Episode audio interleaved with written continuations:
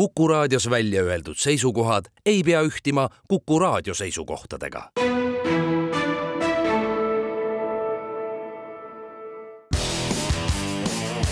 spordireporter. spordis kruvib pinget, Pahv üksteist ja seitse minutit on saanud kell, täna on kahe tuhande kahekümne neljanda issand aasta veebruarikuu kahekümnes päev. tere kuulama spordireporterit järjekorranumbriga kolmsada nelikümmend üheksa. kuulama kutsuvad teid Järve Lott, Tallinn, Susi Joosep, samuti Tallinn. meie saatega saab ühendust e-posti aadressil spordireporter at kuku.ee või Twitteris haaksõna spordireporter abil. nii on võimalik esitada küsimusi, mõtteid, tähelepanekuid, millele vastamise võtame ette saate kolmandas osas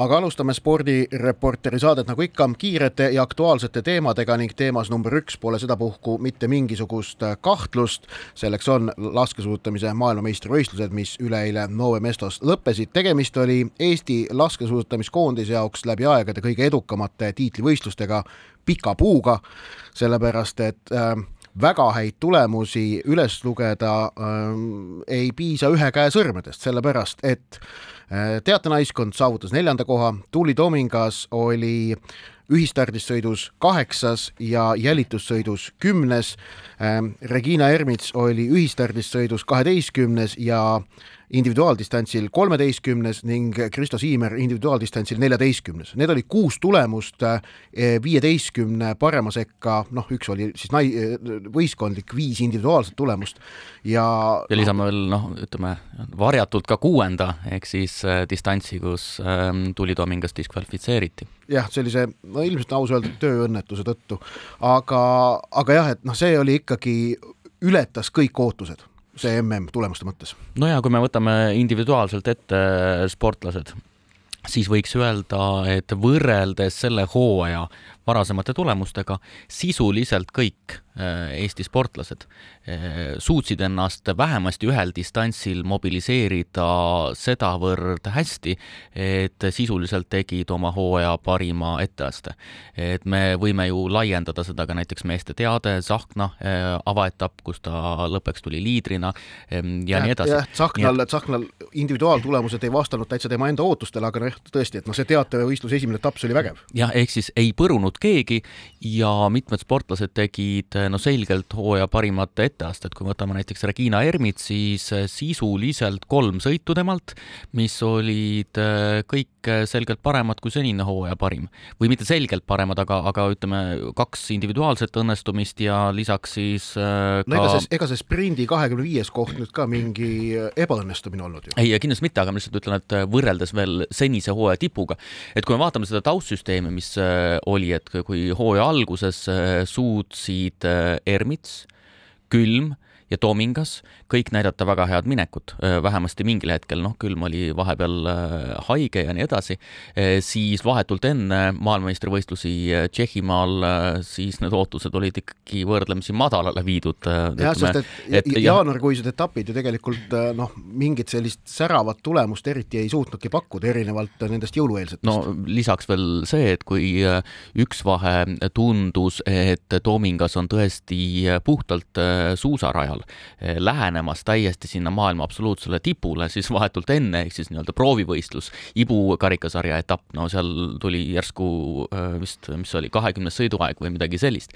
et äh, tõsi, seal oli suuskadega probleem. nii et see taustsüsteem oli, oli küll mitte just paljulubav, aga see, mis lõppkokkuvõttes ikkagi välja kukkus, noh, ei oskagi täpselt öelda, et kust kohast, aga, aga jah, kui me vaatame, et veel kolm maailmakarika etappi on jäänud hooajal, siis kindlasti ka pärast MM-i need ootused on päris kõrgele peale aetud ja nagu ka näiteks ütleme siis koondise peatreener, jah, koondise treener äh, sõnastas siis äh, jah, et praegusel hetkel vaadates Ermitsa minekut äh, ja Toominga minekut suusarajal, siis no võib sealt päris palju oodata. ja lisaks veel loomulikult see, et et tegelikult kogu selle MM-i vältel, ütleme alates siis äh, sellest hetkest, kui tõesti algas äh, naiste äh, teatesõit, no siis tegelikult niivõrd lähedal medalile, ma ei räägi ainult naiste teatesõidus, vaid ka tegelikult kas või ühistardist sõit, kus olgu peale, alguses ma saan aru, noh, esimeses tiirus Toomingul juba möödalask, lisaks ma saan aru, et suusad nii hästi ei toiminud, aga ütleme, niivõrd stabiilselt nii sõidus kui ka lasketiirus olla lähedal maailma tipule, selles kontekstis, et tiitlivõistlustel võib rääkida sellisest medalihõngust, pole me olnud. no tõsi, ütleme teate, teatesõidus meil üks juhtum on, ma seda aastat ei mäleta, aga kui meeste teatesõidus oli Indrek Tobreluts viimases tiirus ja tal oli noh, põhimõtteliselt viimases tiirus võimalik Eesti teatenelik medalile lasta. Ehm, aga noh, sellest on juba päris, päris palju aega möödas ja, ja lõppkokkuvõttes ikkagi seda väga head tulemust ei tulnud nojah, et ikkagi see neljas koht on midagi säärast teatevõistlusel, millele pole mitte midagi ligilähedasetki vastu panna. jah, aga, aga ja, ma, ma, ma ja, nagu ja, ja noh, minu meelest kokkuvõttes see eh, noh, miks tekkis ka sellest MM-ist sedavõrd suur vaimustus. minu, vähemalt minu, mina nägin enda nii tutvusringkonnas kui ka oma sotsiaalmeedias, et noh, see, see plahvatus, mis laupäeval aset leidis pärast äh, naiste teatevõistlusi, õigemini selle ajal juba, ja, ja mis jätkus siis pühapäeva, ähm, et see oli päris enneolematu Eesti spordi kontekstis no,. ütleme, need hetked tõesti, need visuaalsed hetked tuleb? Äh, äh, jah, ütleme minu jaoks kõige nagu selline võimsam hetk oli võib-olla see, kui on teine vahetus, äh, on teine tiir ka läbi, püsti laskmine selja taga ja toomingas suurendab vahet ja on seal tõusu peal ja see minek on tõesti niivõrd hea ja, ja. kogu see rahvamass, mis seal raja ääres oli, teate, võimas pilt jah, aga öelda, miks, miks see niivõrd mõjutas, ütleks, et no siin on ju palju põhjuseid, esiteks loomulikult see, et see taustsüsteem oli hoopis teistsugune. kui me oleksime maailmakarika etappidel, varasematel etappidel äh, kaks naisteteadet on olnud, oleksime olnud neljandad ja viiendad. no sellist eufooriat poleks tekkinud. Äh, see on üks asi, on see taustsüsteem on oluline, paratamatult. ja, aga äh, mina võtaks seda taustsüsteemi veel laiemalt, mitte ainult käesolevat hooaega vaid ma võtaks, ütleme, eelmist kuut, seitset, kaheksat aastat. jah, eriti veel eh, sel perioodil, kui ERR on eh, pidevalt, on ju, ütleme siis kaheksa aastat jah, on ja. ERR ikkagi väga stabiilselt üles ehitanud kogu seda äh, produktsiooni Teg. tegelikult on, on siis äh, selle aja jooksul on Eesti laskesuusasportlased äh, tõusnud staatusest, kus nad äh, Äh, käisid viiekümne kaheksanda koha, see on piltlik kujund, viiekümne kaheksanda koha järel andsid intervjuusid ja rääkisid äh, noh, oma võistlusest, mis, mis, mis tegelikult mõjus natukene meemina, noh, nad pandi isegi laulu sisse ju, on ühes Taagöö laulus on fraas, et Eesti laskesuusatajad jälle esisajas. no oleme ausad, see, see muutus selliseks natukene meemiks ja sellest äh, olukorrast Just on nimelt. tõustud kollektiivselt tippu jah, et jah, ühesõnaga ikkagi see äh, teatud selline vastuolu, diskrepants oli varasemalt nagu selles, äh, seisnes selles, et kuivõrd palju neid kajastati, on ju, ja missugused olid tegelikult sportlikud tulemused ja järk-järgult, nagu ka Ermits väga hästi ütles minu arvates, et et teatud mõttes juhatas sisse seda on ju Tuuli Toomingas, mitte ainult maailmameistrivõistluste kuuenda kohaga äh, eelmine kord, vaid sellega, et ta võrdlemisi stabiilselt suutis hakata nagu järk-järgult lähenema sinna maailma tipule eriti suusarajal. Ehm, ja nüüd teised tulevad kaasa, et äh, jah, see on äh, see, ütleme, taustsüsteem on hästi seatud, aga miks see selline eufooria tekkis, see, vot see on üks asi, jah. teine asi on see, et see tõesti on muutunud selliseks harjumuspäraseks äh, nii-öelda mitte ainult spordisõprade jälgimisobjektiks juba pikemat aega ja, ja see nagu kuidagi noh, karjus sellisest vajadusest, et me tahame sellist emo emotsiooni saada. lisaks visuaalselt, kuidas on äh, lahendatud kogu see melu, mis seal kohapeal oli. lisaks kogu see, mida ERR äh, on selle nii-öelda laskesuusatamise kajastamisega üles ehitanud ja missugust emotsiooni sealt pakuti, eks need kõik asjad jooksid, jooksid kokku. et, et jah, et kus, kuskil üheksa aastat tagasi oleks Eesti meeste, ma ei tea, või naiste äh, nelik saavutanud maailmameistrivõistlustel neljanda koha, suurepärane, aga sellist eufooriat poleks tekkinud. jah, see on nagu lihtsalt nojah, selle spordila staatus vahepeal Eestis on, on selgelt muutunud ja tore oli lugeda ka alaliidu presidendi Tarmo Kärsna intervjuusid või kuulata, kus ta rääkis väga innustunult sellest, et kuidas ikkagi ähm, noh, nendega viimaste aastate selle ütleme, esialgse edu ja nüüd ikkagi selle noh, ma julgen öelda juba päris suure edu foonil on õnnestunud ikkagi noori spordiala juurde tõmmata, hoida ja selle juures üles kasvatada. Ning, ning ma, ma ausalt ei kahtle, et, et vaata, et praegune olukord, kus oli näha sellist üldrahvalikku vaimustust, ma luban endale sellist fraasi, et see nendele noortele laskesuusatajatele, kes Eestis praegu selle alaga tegelevad, mõjub tohutult motiveerivalt, see, see on, see on täiesti kindel. ja mina nagu võrdleksin seda ainult vist äh, ise äh, Nagano olümpiamängudega kus äh, maheveerpaal olid kuues-kaheksas. et vot see tekitas sellise et on võimalik küll? jah, vot on võimalik, et muidu me oleme kuskilt kaugelt vaadanud seda ja, ja, ja nüüd meil on kuidagi lähemal seal, seal esiotsas sees äh, oma, oma tipptegijad. jah, aga see murdmaasuusatamise tõusmine tippu oli minu meelest selles mõttes erinev, et see keskkond, kus seda tehti, oli erinev. Äh, üheksakümnendatel, oleme ausad, kogu selline üldine hoiak ei olnud kaugeltki niivõrd toksiline ja kriitiline Eestis, kui ta on olnud, kui ta on praegu. et me oleme, me oleme ilmselt ühiskonnana liikunud natukene teistsugusesse punkti, kus äh, noh, nõuame ka sportlastelt Äh, seda kõige paremat ja kui ei saa, siis oleme kärsitud, rahutud ja, ja hoopis kurjemad, kui oldi toona. ehk et kui toona oldi, oldi teises või kolmandas kümnes või, või ka, või ka neljandas kümnes, noh, üheksakümnendatel see nagu ei tekitanud sellist resonantsi, aga noh, selge see, et need kõlatoad, kus toona üldse sai seda pahameelt väljendada, olid, olid hoopis teistsugused, kui nad on praegu, et, et, et tehnoloogiline revolutsioon on muutnud selles mõttes selle tippspordi kui keskkonna äh, teist laadi kohaks. jah, aga äh, jah, ütleme võib-olla nii palju siis äh, osutan selle murdmaasuusatamise osal veel, äh, veel, veel, veel lisaks, et ähm, kui me meenutame, mis edasi sai murdmaasuusatamisest, äh, siis me jõudsime mingil hetkel sellisesse faasi, kus näiteks maailmameistri, ma ei tea, Oslo maailmameistrivõistlustel sõidab Peeter Kümmel sprindifinaalis ja see ei tekita väga suurt reaktsiooni puhtalt seetõttu, et taustsüsteem on jällegi nii kõrgele aetud. aga no see, mis nagu äh, ikkagi sportliku poole pealt resu-, resümeeks öelda, et äh, suusarajal nii Dobrelutsu ju, juhendatavad kui ka rahvuskoondise peatreeneri juhendatavad on teinud sammu edasi ja lõppresümee on ikkagi see, et niivõrd palju on, on peas kinni ja niivõrd palju neid psühholoogilisi aspekte mängib rolli, et kui Tuuli Tomingas noh, pärast võistlust on ka kirjeldanud, tegelikult juba enne, enne võistlust, kas just pärast esimest etappi ütles Tomingas, mõtles, et tõmbab joo, hooajale joone alla. Ehm, et ehm, et jah, see on nii palju kinni.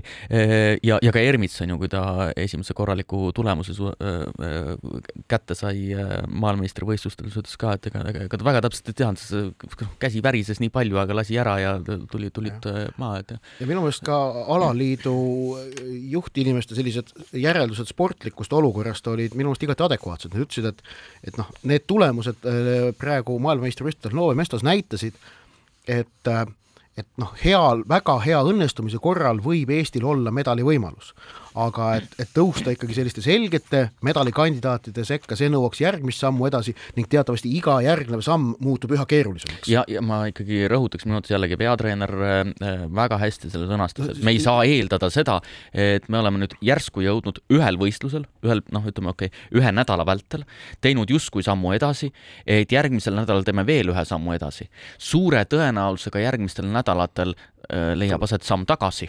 me ei saa eeldada, et järgmisel hooajal me saavutamegi sellise stabiilsuse, et me näiteks naiste teates, me, me peame rõhutama, et naiste teates on ikkagi ähm, noh, tõesti, see oli väga suur õnnestumine, kus neli sportlast tegid oma väga hästi ära, võib-olla paremini, kui nad tegelikult noh, võiksid teha no,. seal, seal noh, kas, kas on äkki õige öelda, et kõik sõitsid oma võimete piiril või isegi nihutasid neid võimete piire? jah, just, see on, see ongi see ja, ja eeldada, et see hakkab nüüd edaspidi korduma, üha korduma, eh, no kindlasti mitte, ehk siis see lähenemine võikski olla nii, et no ütleme, eh, see, stabiilne tase võiks olla nõksa kõrgem, kui ta on eh, selle hooaja vältel olnud.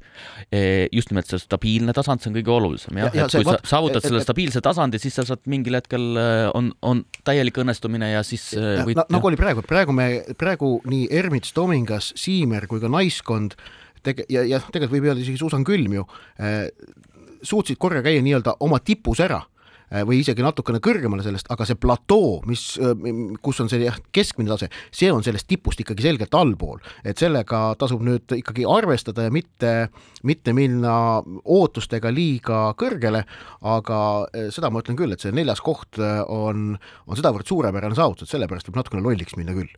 olgu öeldud, mis juhtub tulevikus laskesuusatamises. järgmine aasta maailmameistrivõistlused Šveitsis Lenzerheides, ülejärgmine aasta olümpiavõistlused Anterselvas ja kahe tuhande kahekümne seitsmendal aastal aastal maailmameistrivõistlused Otepääl. jah, just nimelt, aga kas maailmatasemest ka räägime? ma just tahtsin, tahtsin öelda, et ega, ega maailma tasemel noh, paar sellist huvitavat võistlust olid, aga, aga noh, üldine resümee on selles, et ega norralased võitsid sisuliselt kõik, mis võita sai, välja arvatud meeste teade, kus Kristjansen põrus viimases püstitiirus, mees, keda peetakse parimaks ankrumeheks ja no naistest ei saanud keegi prantslane talle vastu Äh, Julia Simon äh, võitis kaks individuaalset kulda, lisaks ka naiste teade ja, ja need ja. vaata, kui me rääkisime kaks nädalat tagasi, et mitu medaliriiki tuleb, me ütlesime, et toona, et eelmine aasta oli kuus, see aasta oli ka nüüd kuus ja kuues tuli alles tänu viimasel distantsil Rastorgujevsi hõbedale, selleks oli Läti, ning teine asi, et siis äh, kolmekümne kuuest medalist kolmandiku võttis Norra, kolmandiku võttis Prantsusmaa ja kolmandik jäi teistele jah, aga läheme edasi, sest teisi spordivõistlusi on aset leidnud veel ja ka mm, maailmameistrivõistlusi. Gregor Zirk tuli ujumise maailmameistrivõistlustel Dohas meeste kahesaja meetri libliku ujumises Eesti rekordiga viiendaks aeg üks viiskümmend viis, nelikümmend kaheksa. kõigepealt Sirk püstitas eh, esimese Eesti rekordi eelujumises, eh, mis oli kümnendiku jagu nõrgem. Eh, poolfinaalis jäi sellele kuue sajandikuga alla, aga pääses finaali ja esimese meesujujana siis maailmameistrivõistluste finaalis. ja pikas basseinis jah. ja finaalis siis medalist ei puudu kolmkümmend kaks sajandikku sekundit, maailmameistriks krooniti jaapanlane Tomoru Honda, seejuures vist sest äh, no ilmselt ikkagi kõige olulisem on see, et äh, Sirk ähm, täitis Pariisi olümpiamängude A-normi, see oli, see oli põhieesmärk ja see sai täidetud. Äh, me peame kerget no, no, tinglikkuse siia lisama. E-, ega ta vist, ega ta vist noh, tegelikult vaadates seda, mida ta rääkis enne võistlust, siis need olid ikkagi suhteliselt sellised noh, kuidas öelda, kahtlevad jutud talt, et ta, ta, ta, ta, ta ei läinud sinna sellise äh, vähemalt äh, retoorikas sellise väga tead, kindla, kindla Eesti, plaaniga. Eesti ma... spordiajaloos on olnud üks mees, kes enne võistlusi ütleb, et ma lähen maailmarekordit tegema ja siis äh, saabki hea tulemuse. enamasti on nii, et kes, kes parema läheb, need kukuvad läbi. tuli Tomingas väga hästi, üldse vormi pole, kõik on, tahan ära lõpetada, midagi sellist.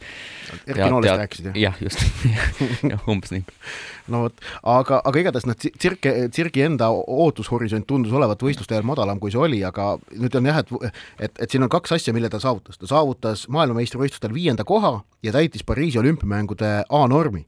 ja see tundub mõnevõrra nüüd kuidas öelda, totter, aga mul on tunne, et see A-normi täitmine on arusaadavam kvaliteedimärk antud olukorras kui see viies koht, sellepärast et noh, nagu me teame, nendel maailmameistrivõistlustel mitmed maailma tippujujad otsustasid mitte osaleda, sellepärast tegemist on nii-öelda erakorraliste maailmameistrivõistlustega, muidu tavaliselt olümpia-aastal MM-i ei peeta, aga kuna vahepeal koroona tõttu jäi MM ära, siis neid on vaja järele pidada. Ja, ja seetõttu ütleme... kõik, kõik seal ei võistle, nii et noh, äh, noh, me teame ka Enel, Enel Jefimova ei võistle MM-il, ei võistelnud. No, olukord on selline ikkagi, et äh, praegu on just nimelt see kõige magusam aeg laduda platvormi selleks, et saavutada edu Pariisi olümpia olümpiamängudel. ja tõesti ka kahesaja eh, liblika distantsil, eh, no see aeg, ma saan aru, ei oleks äh, eelmisel MM-il finaali viinud. aga nojah, see on, see on, see on, see on teine küsimus, üldiselt ma väga ootan Pariisi olümpiamängude olüm-, ujumisprogrammi, et kui me praegu vaatame, mis seisus on, et ikkagi kaks sellist väga huvitavat kuju Jefimova sirk ja kui vaadata, mis võiks olla selline eesmärk, noh, sirgi puhul võib-olla natuke keerulisem, aga näiteks kolm finaali kohta. E Eesti koondisel. Eesti koondisel. tsirk kahesajas liblikas, Jefimova sada ja kakssada rinnuli. mis tähendaks juba üheksat ujumist üheksat sellist tähelepanuväärset ujumist meie jaoks. Ja.. no see tähendab, et ikkagi tavaliselt vaata olümpia ujumisprogramm on selline, see on nagu natukene selline rütmi loomisvahend, et ega see Eesti spordihuvilisi see küm, kümnete ja kümnete tundide viisi ujumist basseinist ülekandeid, nimed, keda me tegelikult ei tea ja nii edasi et eh, huvitav, olümpia käib, tore, eh, noh, hea kommentaator nagu... tavaliselt ja, ja nii edasi, aga nüüd meil on ikkagi tähelepanu no, fookus seal. vaata muidu oli jah ujumine olnud natukene olümpial nagu, see on nagu viiner seljanka sees, sa paned ta sinna sisse sellepärast, et nagu näe, näeks välja, et liha on, kuigi tegelikult on see viiner no ma ei tea, ma olen taimetoitlane, ma ei saa, jah, aga, aga okei okay.. kas läheme, läheme, meil, meil veel on maailmameistrivõistlusi aset leidnud. me peame nüüd kiiresti võtma kaks teemat veel. kolmas teema ja Martin Liiv kiiruisutamise maailmameistrivõistlustel ähm, Calgary's saavutas oma põhidistantsil tuhandes meetris üheksanda koha ajaga üks null seitse koma viiskümmend kolm ja kõrvalalal viiesajas meetris, kus ta siis tänavu võitis Euroopa meistrivõistlustelt hõbemedali, oli ta MM-il neljateistkümnes ajaga kolmkümmend neli koma kuuskümmend kaks. ma arvan, kokkuvõttes on paslik öelda, et ega need ähm, tulemused noh, Liivi ilmselt nüüd ülearu ei rahuldanud, sellepärast et tal on karjäärist ette näidata äh, paremaid tulemusi nii maailmameistrivõistlustelt kui ka olümpiamängudelt, on ju, aga aga midagi nüüd hullu need ka ei ole, ehk et need, kui vaadata ka neid ajavahesid seal tipus, siis on näha, et ta on ikkagi selles kõrges mängus sees ja väga heal päeval on ta võimeline maailmas medalikonkurentsis olema jah, seda kindlasti, et kui me noh, vaatame kas või seda, et äh, medalist ei puudu siin äh, noh, seitse kümnendikku ähm, umbes, aga vaadates ka, kui palju on äh, nii-öelda esiotsa nii-öelda medalivõitjate omavaheline vahe, et et ikkagi need kohad seal kuskil kuus kuni kaksteist ja nii edasi, et see on nii tihe, aga tõesti, et see selge stabiilne kinnistumine maailma tipus on, on, on aset leidnud, see on selge üks teema hakatuseks veel, nimelt autoralli maailmameistrivõistluste hooaeg on äh, samuti äh, alanud ja kaks etappi sõidetud, viimati nädalavahetusel sõideti Rootsis no meie jaoks alustame juba sellest, et äh, kõige äh, pikemal neljandal kiiruskatsel äh, juba hakkas juhtuma. kõigepealt tegi sõiduvea Tänak, kes keeras auto lumevalli ja siis tagatipuks jäi katsel seisma ka ralli selline liider, maailmameister Kalle Rovanpera. nii et teise etapi võitis Esa-Pekka Lappi, Elvin Evans oli teine ja kokkuvõttes kõige rohkem punkte korjas Evans, kakskümmend neli punkti ja Siis... No meie vaatevinklist on oluline see, et Thierry Neuville suurendas edu Ott Tänaku eest, ehk et Hyundai meeskonna sees on praegu Neuville haaranud MM-i alguses väga selgelt ohjad. tema edu Ott Tänaku ees on praeguseks juba kakskümmend seitse punkti kahe etapiga. Neuville on kahelt etapilt äh, korranud äh, kuuekümnest võimalikust nelikümmend kaheksa punkti, Ott Tänak on teinud kaks sõiduviga kahe etapiga. Ja... aga, aga ütleme jah, et, et me ütleme ära, siis Tänak äh, siis sai pühapäevases arvestuses, meil on uus punktisüsteem ja sai neljanda koha, lõpetas punktikatse samuti neljandana kokku sai ta siis Rootsi rallilt äh, kuus punkti.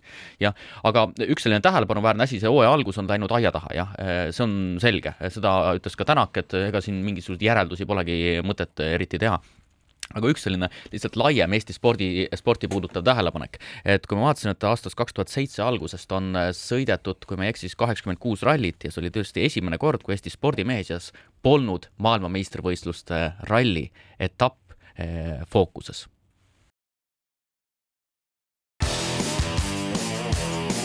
spordireporter. spordis kruvib pinget, Pahv spordireporter jätkab ning meie saate viies teema ja teine osa kuulub sedapuhku korvpallile. räägime nii klubikorvpallist kui ka koondise korvpallist. alustame klubikorvpallist, sellepärast et Eesti äh, karikavõistlused, Joosep üks lemmikvõistlusi, sellepärast et äh, Joosep oli aastaid tagasi väga-väga vaimustunud, kui karikavõistlused pärast seda, kui neid ei olnud peetud mitu aastat, toodi tagasi. Joosep oli siiralt rõõmus, ma kas mäletan ma, toona. kas ma võin äh, kasutada sellist registrit, äh, mis on Eesti korvpallimaastikule viimasel ajal väga omaseks saanud no.? et minu arust on nagu tohutult õige otsus lihtsalt karikavõistlust ära jätta. tähendab, see oli super otsus korvpallifunktsionääridelt lihtsalt jätta karikavõistluselt äh, toimumata. et see on pikk traditsioon ja ongi hea nagu uuendada äh,, noh, lihtsalt lörtsida seda vana traditsiooni, ehk siis super on see, kui ikkagi vahel lihtsalt jäetakse, jäetakse näiteks, noh, ma arvan, et siit peaks edasi minema, et jätaks ka ühel aastal korvpallimeistrivõistlused toimumata. ja no praegu sa pead nüüd arvestama sellega, et Atso Matsalu asus koostama mingisugust protokolli ning on teel Kuku raadio peatoimetaja Madis Kimmeli kabinetis suunas, et see siis sulle edastada, aga kõigest sellest me räägime, olgu öeldud, saate lõpus. saate viimane osa kuulub, kuulub selle Gert Kullamäe, Atsa Matsalu, Pärnu ja kogu selle teemale, aga praegu me räägime tõesti siis Eesti karikavõistluste finaalist, kus Kalev Cramo alistas tulemusega seitsekümmend kuus, kuuskümmend kaheksa Tartu Ülikool Maxi Mooritsa ning, ning tuli Eesti karikavõitjaks ehk et hooaja esimene tiitel, mis välja mängiti korvpallis, kuulub Kalev Cramole. esimene kolmest jah, nüüd äh, ma ütleks hakatuseks seda, et see karikavõistluste formaat, mida nüüd äh, tänavu tehti niimoodi, et mängiti see nädal siin veebruarikuus, veerandfinaalid, poolfinaalid, finaal, see mulle meeldis seda oli, see oli tore vaadata ja, ja et, et sellist, see, see tundub loogiline niimoodi seda kasutada ja tegelikult võeti ju eeskuju muust Euroopast, kust äh, sageli karikat äh, niimoodi mängitaksegi. nüüd teiseks selle karikaga oli seotud ju intriig, sellepärast et kuna Tallinnas ei olnud võtta paslikku saali, kus võistlust pidada, kuna Tondirabas oli Eesti Laul Unibet Arenal oli mingisugune suur eraüritus ja Kalevi spordihallis oli äh, Euroopa karikavõistluste äh, etapp piljardis siin terve nädalotsa sees, siis äh, Kalev Cramol kolis selle mängu Kuressaarde, mis ajas tigedaks Tartu meeskonna, kes leidis, et see on noh, nii-öelda nende kottimine. ja, ja noh, ühesõnaga mängu eel oli paras intriig või noh, noh, ütleme, see lisas sellele mängule vürtsi ja intriigi, et Tartu pahameel selle üle, et see mäng peab toimuma Kuressaares, lõpuks selles mõttes oli see äh, sündmus õnnestumine, et äh, Kuressaares ikkagi äh, oli ligi tuhat pealtvaatajat saalis ja selle kohta tuleb öelda, et noh, tubli töö no mina tegelikult eelistakski, et karikavõistluste näiteks finaal leiaks aset paigas, mis ei ole noh, siis Tallinn või Tartu. see, kui viiakse Saaremaale, veel parem, Hiiumaale või noh, lähme veel väiksemale saarele. tahad Ruhnul mängida Ruhnul mängida.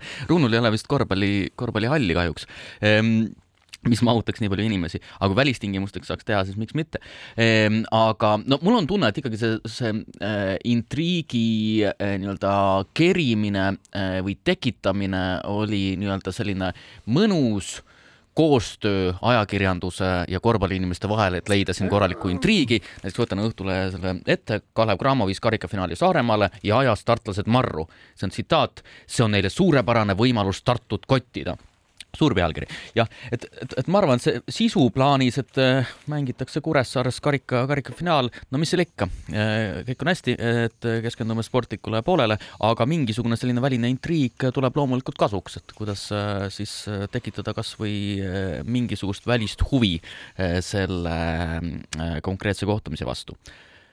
jaa aga ühesõnaga Kalev Cramol äh, karikas äh, kotis ja noh, see, et nad Tartuga finaalis vastamisi olid, see oli siis ka nii-öelda väikene sissejuhatus eeldatavat eeldatavale Eesti meistrivõistluste finaalile, et noh, praegu ikkagi tundub, et Kalev ja, ja Tartu võiksid tänavu finaalis vastamisi minna ja, ja noh, Janar Talts siin äh, paar kuud tagasi ütles mulle Olümpiaraadio saates, et tema, ta, ta on, ta on veendunud, et Tartu pole Äh, finaalis kõva lahingu andmiseks olnud mitu aastat niivõrd hästi valmis, kui nad on tänavu. nii et, et ta tahaks loota, et tuleb äge finaalseeria ka kevadel. aga lähme põhimise korvpalli teema juurde ja see teema on loomulikult see, et kahe tuhande kahekümne viienda aasta Euroopa meistrivõistluste äh, valikturniir jätkub, laiemalt valikturniir jätkub ja Eesti on H-grupis, ähm, kus vastasteks on Põhja-Makedoonia, Leedu ja Poola. tuleb esikolmikusse tulla kaheksas grupis üldise printsiibi alusel, on ju, esikolmik pääseb finaalturniirile, aga kuna meie gruppi kuulub ka Poola, eh, kes on pääsu juba finaalturniirile korraldajana, ühe korraldajana taganud, siis tuleb ed edestada Leedut või Põhja-Makedooniat. no mõlemad on tuttavad vastased, eh, isegi Toiala käe all on kolm korda mängitud eh, mõlemaga, aga jah, ega, ega lihtne olema ei saa, aga see on ülioluline kogu sellele noorele andekale põlvkonnale no just sellepärast, et äh, finaalturniiride rütm on teatavasti nüüd see, kui varem mängiti EM-e iga kahe aasta tagant, siis nüüd enam mitte. Äh, kui sellel valikturniiril ei peaks Eestil õnnestuma jõuda EM-finaalturniirile, tähendab see tegelikult ju koondise jaoks ilmselt kaheksa-aastast tiitlivõistluste pausi.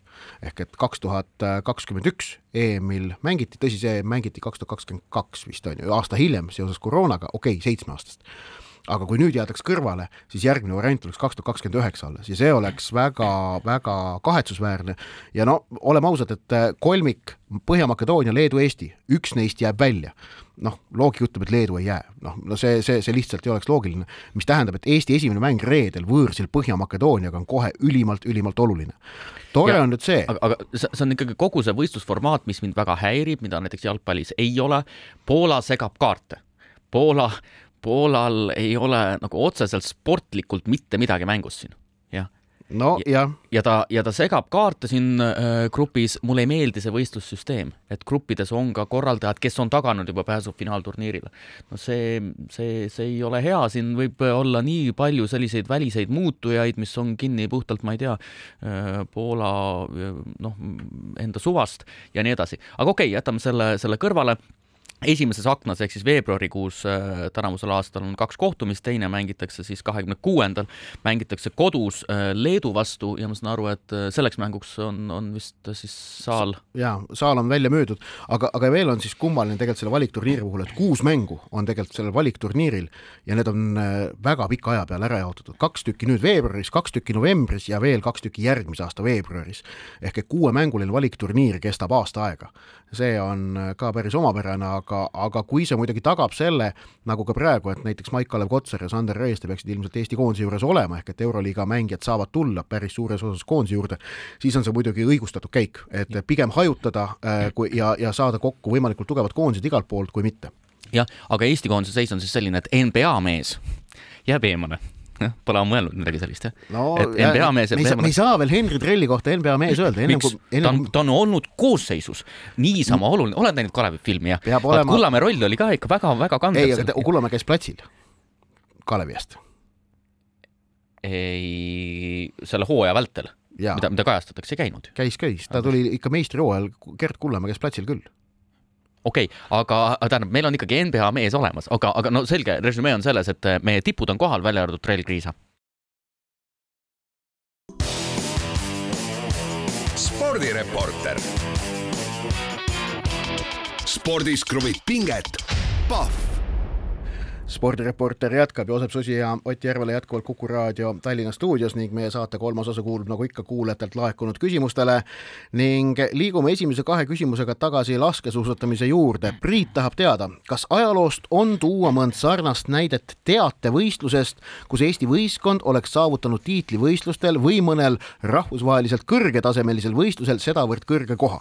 jah, on, üks näide oota, siin on üldse teatevõistlus, no sõltub ja võistkonnavõistlustel on loomulikult nagu palju nagu suuri saavutusi, et ilmselt meie Eesti spordi ajal kõige olulisem on Argentiina karikas, on ju.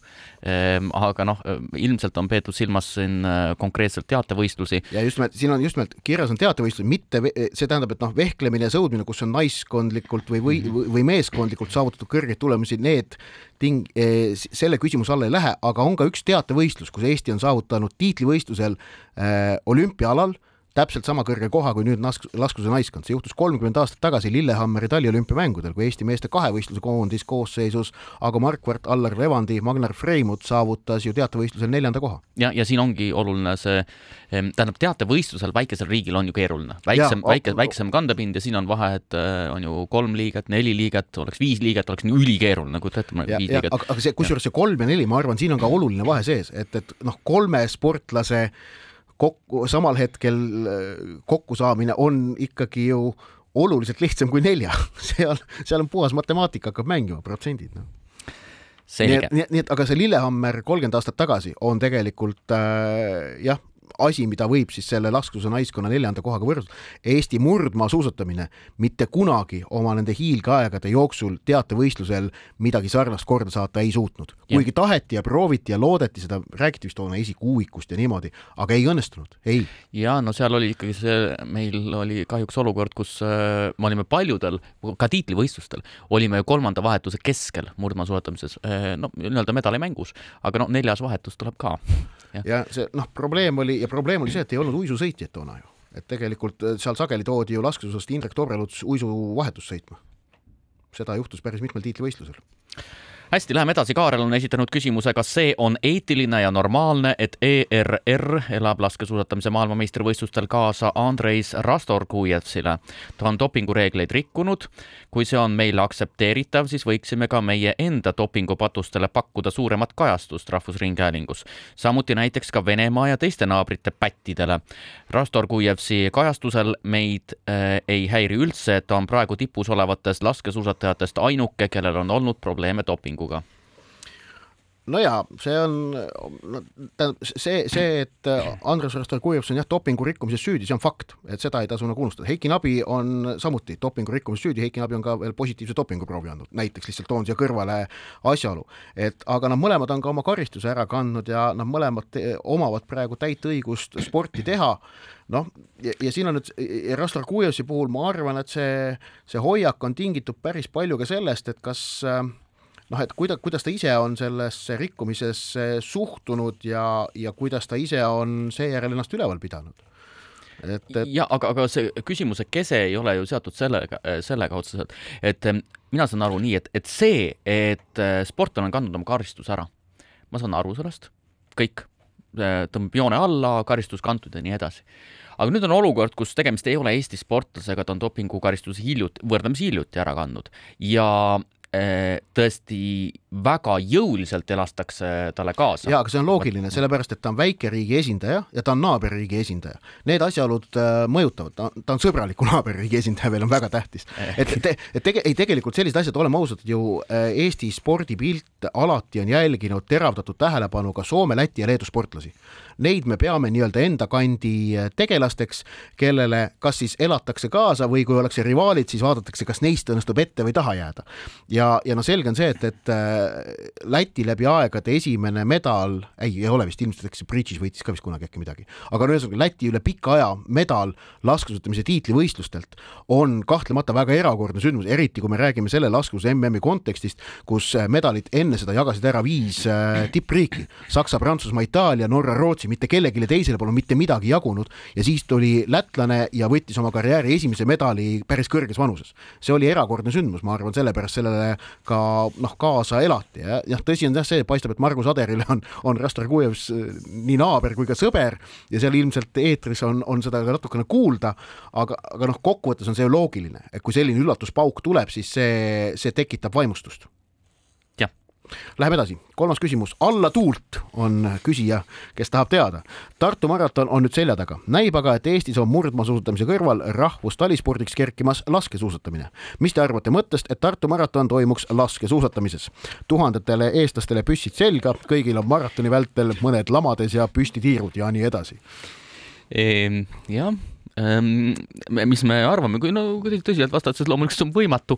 Ehm, esiteks no, turvali-, tagada turvalisus. mingi Kaitseliidu talvine õppus jah, noh, turvalisus, seitse tuhat inimest, püssid lähevad Matu mäest üles. Ehm, jah.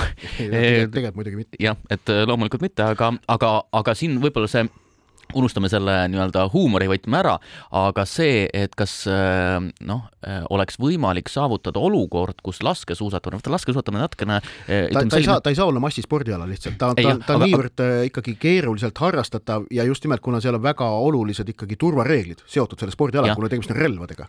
nõus, aga et kas kuidagimoodi on võimalik nagu jõulisemalt esile tuua laskesuusatamist või kas üldse näiteks laskesuusatamist, ma olen näiteks noh, ma ei tea, neljakümne kolme ja poole aastane, ma mõtlen, et tahaks mingit spordiala harrastada, hakkaks tegelema laskesuusatamisega, et kas sellised tingimused, sellised võimalused on olemas ja kuidas seda nagu jõulisemalt esile tuua? ma arvan, et isegi kui need tingimused, tähendab, et noh, see ressurss, mis, mida laskesuusatamine kuidas öelda, kus sellega saab tegeleda, see on ju ilmselgelt piiratud, neid lasketiirusid on meil Eestis vähe ja ma arvan, et seda ressurssi tuleb hoida nende sportlaste jaoks, kellel on veel võimalik äh, proovida tippu jõuda, ehk et noorte jaoks. ühe, ühe küsimuse jõuan veel võtta. Mati on esitanud küsimuse, viimasel nädalal on ilmselt The Guardiani artiklist tõukuvalt taas esile kerkinud võimalik Balti liiga loomine jalgpallis. Eesti on sellele vastu, teised mitte. kas oskaksite teha kokkuvõtte, mis oleksid Balti liiga loomise plussid ja miinused? selles küsimuse sees üks viga, seal öeldakse, et Eesti Eesti on vastu ja teised mitte, tegelikult on ka Läti ja Leedu vastu. tegemist selle artikli puhul ja kogu selle jutu puhul on äh, valimisvõitlusega Läti jalgpalliliidus, kus äh, praegune Läti jalgpalliliiga juht Maksim Krivunetš, äh, kelle soovib saada sel kevadel Läti Jalgpalliliidu presidendiks, aga tal on praegu toetusega kehvasti, siis ta tuli sellise kavala ja suure plaaniga välja ja loodab sellega endale mingisuguse toetuse tekitada. üldiselt Balti liiga jalgpallis on korra tõestat-, proovitud, see ei hakanud toimima, ei üldse ole... ei hakanud, üldse ei hakanud. E, ja, ja põhjus, miks ta ei hakka, on see, et ei ole olemas reaalset varianti, kus nendel Balti liiga mängudel oleks tagajärg Euroopa eurosarja kohtadega seoses. see Krivunitš väidab, et, et see oleks variant, tegelikult reaalses elus seda varianti ei ole, kui jälgida seda, mida UEFA on öelnud ja noh, ma siin no, ei, ütleme, ei, laia... ei, ei näe põhjust, et Aivar Pohlak mingit udu ajaks selles küsimuses. jah, no laias laastus variant oleks selline, et meil oleks Balti liiga ja Balti liigas jaotatakse välja siis üks meistrite liiga koht ja, ja nii edasi, ehk siis seda elu... UEFA ei luba et ainult seda UEFA ei luba, et eurosarja kohad selguvad võistluses teise riigi äh, klubidega. jah, aga tähendab, et isegi kui, mina olen aru saanud nii, et isegi kui UEFA mingil moel lubaks sellist äh, liigat, siis äh, eurosarja kohad äh, antakse ainult nii palju kui ühele riigile näiteks jah ja. midagi sellist jah äh,. aga laias laastus põhimure on minu arvates see, et või plussidena välja tuua jah, et võib-olla on rohkem nii-öelda kõrgetasemelisi mänge. Äh, väga ebastabiilne äh, kipub see olema, Eesti, Läti, Leedu jalgpalliliidud teevad koostööd, kuule, see liiga liiga elu sees ei tööta. ja kultuuriliselt liiga erinevad ka, Eesti on ikkagi siin rohkem Põhjamaade mudeli poole liikumas ning äh, lootus, et see tekitab mingisuguse erilise kommertsväärtuse, on minu meelest tühine, sellepärast et kommertsväärtus tänapäeva jalgpallis seisneb telerahades, aga Balti liiga teleõigused nüüd küll mitte kedagi väljaspool Baltimaid ei huvita, sellepärast et igal pool mujal on palju paremat jalgpalli hulganisti võtta. teeme pausi. spordireporter spordis kruvib pinget, Pahv spordireporter on jõudnud lõpusirgele ja saate viimase käsitluse tõukeks on sündmused Eesti korvpallimaastikul ja alustaksime ühest kuulaja küsimusest. Hans Daniel on sõnastanud säärase küsimuse. möödunud nädalal määrati Pärnu sadama korvpallimeeskonnale peatreener Gert Kullamäe väljaütlemiste eest kohtunike suunas tuhat eurot trahvi, kuigi nominaalselt ei öelnud ta enda Kossu saates kohtunike suunas mitte ühtegi halvustavat sõna sellest hoolimata ütles kohtunike esindaja Atso Matsalu, et ilmselgelt oli tegemist irooniaga ja sõnavõtt oli mõnitav. tsitaat, peab olema puruloll, kui arvad, et tegu polnud selge kohtunike mõnitamisega, kuid meie oleme arusaajad. tsitaadi lõpp esiteks, kas kirjandusteadlane Susi saaks teha hüpoteetilise puru, hüpoteetilise purulollile nii-öelda puust ja punaseks, millised konkreetsed irooniale viitavad kirjanduslikud võtted Eesti-Läti ühisliiga kirjanduskohtunike komisjon Kullamäe tekstis tuvastas, et selline jõuline otsus tehti. laiem küsimus ka, kui peeneks on taolise analüüsiga üldse mõtet ühe spordiliiga kontekstis minna, kas tasuks iga treenerite ja klubijuhtide tehtud sõnavõtt kirjandusteadlaste ekspertgrupi poolt läbi vaadata, kuhu tõmmata mõistlik piir? väga hea küsimus, väga hea küsimuste komplekt. hästi pikk, aga umbes pool saadet on läbi. jah nii, äh, kirjandusteadlane Susi, olge no, head. tähendab, äh, iroonial ei ole, äh, noh, tähendab, kas tegemist on irooniaga või mitte, minu arvates ei ole isegi kõige olulisem küsimus, selles mõttes, et kas on tegu irooniaga või mitte, sõltub sellest, missugust iroonia nii-öelda definitsiooni kasutada, see on alati, alati samasugune. noh, laias laastus on iroonia nagu selline põhidefinitsioon ikka olnud ju selline, et ütlen ühte, aga mõtlen hoopis vastupidist. ja siin tuleb osutada, et iroonia tihtilugu või iroonilisus ei ole tihtilugu ju objektiivne, see sõltub on ju äh, vaataja strateegiast äh, või nii-öelda kuulamisstrateegiast, lugemisstrateegiast, aga siin no loomulikult elemente, mis ütlevad, et see väga selgelt oli, ma ei ütleks isegi irooniline, ma ütlen, see on äärmuslik iroonia oli see, ehk siis oli tegemist oli sarkasmiga ehm, no siin elemente oli väga palju, esiteks äh, see, millele osutati ja see, kuidas seda kommenteeriti, läksid äh, tõelisesse vastuollu. ehk siis Kullamäe äh, kiitis ülevoolavalt elementi, mis tegelikult laiemas kontekstis peaks talle tunduma ebameeldiv. kogu see kehakeel, kõik see reaktsioon, mis teistelt oli, nii et see on selge. peame natukene lahti seletama raadiokuulajale ruttu ka, millega tegu oli. ehk et Kalev Cramo Pärnu mängus Gert Kullamäele jäi väga, Pärnu peatreenerile jäi väga hinge peale mängu lõpus tema meeskonnale vilistatud viga, mille kohta kohta ta siis tõesti äh, korvpalli podcastis Pihtas põhjas äh, sõna võttis. Äh, praegu selle peale korvpalli või noh, liiga tehniline komisjon eesotsas Atso Matsaluga, kes seisab siis nii-öelda kohtunike eest, tahtis seista, määras Pärnule ja Kullamäele tuhande eurose trahvi. selle peale on täna hommikul tulnud uudis, et korvpalli podcast Pihtas põhjas lõpetab selle trahvi tõttu oma äh, tegevuse ja eetris oleku, muuhulgas nende kirjas on, eh, toon välja kaks tsitaati. esiteks, tuleb osata huumorist aru saada, kuigi jah, elu on näidanud, et see ei ole kõigile jõukohane ning teine tsitaat, on olemas ütlus, armasta korvpalli, aga mitte ennast korvpallis, meie igatahes armastame korvpalli. ja see on, no. see, see viimane tsitaat on väga-väga õige. see, mis on nii jalgpallis kui ka korvpallis, selle juhtumi taustal eriti eh, väga oluline, et kohtunik kohtunikega äh, seotud otsuseid ei tuleks võtta vastu lähtuvalt kohtunikest, vaid lähtuvalt korvpallist, äh, lähtuvalt jalgpallist. Ja see, kuidas äh, kohtunike suunalised sõnavõtud mis tõesti, tegemist on meelelahutusliku, selgelt iroonilise, selgelt sellist vabas, mõnusas õhkkonnas eh, tõesti korvpalli populariseeriva saatega. suurepärane, seltskond, hästi mõnus, asjatundlik, samas no, terav, no ja, mõnus. panevad seda omavahelist ajaloolist, vaata mälu on seal veel väga kõvasti sees, kui Jurtšenko kullamedalj kolmekesti teevad. just, mõnus kuulata ja öelda kuidagi, et, et, et see kahjustab alamainet radikaalselt vastupidi, seesama, mis jalgpalli, äh, jalgpalli poolt oli, treenerid, äh, treener on emotsionaalne pärast võistlust, kritiseerib kohtunikke, on tõesti selline noh, tõesti elab, see on tõesti nagu mingi ja, elu tuleb see sisse. see ei kahjusta alamainet, vaid see parandab alamainet, see tekitab huvi selle ala suhtes, see tekitab huvi selle võistluse suhtes, see on üks loomulik osa võistlusest. ehk et praegu korvpallikohtunikud on lumehelbekesed, jalgpallikohtunikud on ka lumehelbekesed, et nad ei saa hakkama selle kriitikaga, mida nende suunas tehakse ja mis sageli on täiesti põhjendatud. Öelda, et kohtunikud ütlevad, nad tahavad austust, et nad tahavad respekti. see ainukene variant seda respekti teenida on tegutseda avatult, avalikult ja tunnistada oma ekslikkust,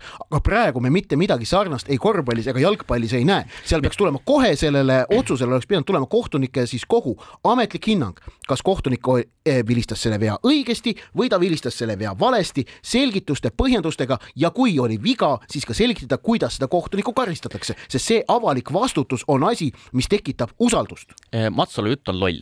Eh, põhjendused on lollid, minu arvates väga selgelt. seal on seal on kiuslikkust näha võib kritiseerida kohtunikke ja see ei ole selline pahatahtlik kritiseerimine. jah, loomulikult selline mõnitav äh, tonaalsus oli, oli all, see oli olemas ilmselgelt, aga ta elas välja ennast emotsionaalselt, iroonia võtmes, nalja võtmes, väga hea. nii, küsimus pole üldse selles, kas kohtuniku otsus on õige või vale absoluutselt mitte.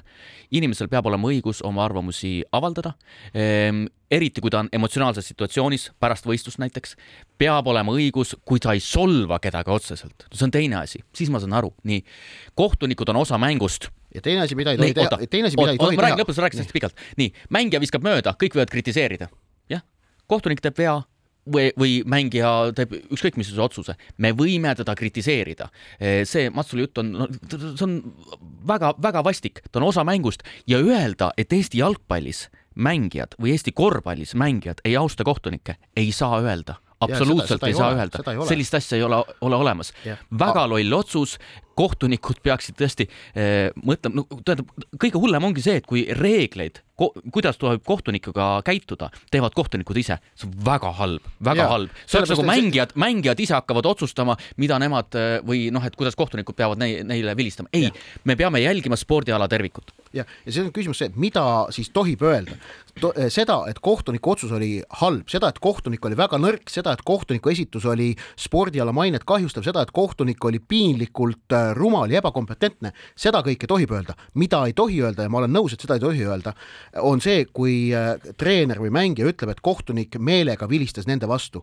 see on siis äh, noh, äh, ilmselgelt süüdistamine kohtuniku ebaaususes selles mõttes ja see, see, selle eest karistatakse igal pool, ma olen sellega nõus, seda ei tohi teha. ei no mida Aga... ei tohi teha, ei tohi konkreetset inimest hakata noh, isikupõhiselt solvama, noh öelda, et tema on näiteks ütleks sõimusõna, ma ei tea, noh, okei okay. ja, ja nii edasi. aga kokkuvõttes tõmbame joone alla, halb otsus Kullamäe tegi kõik õigesti. kokkuvõttes jah, nüüd peaks alustama menetlust selles suhtes, kes tegelikult siin korvpalli mainet kahjustasid. aga meil on saate lõpu lõpp vaja alla tõmmata, mina soovitan minna Otepääle vaatama laskesuusatamise noorte juunioride MM-i. ülioluline kohtumine reedel Skopjes, jälgime Eesti-Põhja-Makedoonia Euroopa meistrivõistluste valikturniir. Saade on läbi, kuulmiseni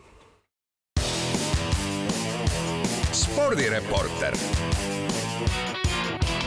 spordis kruvib pinget, Pahv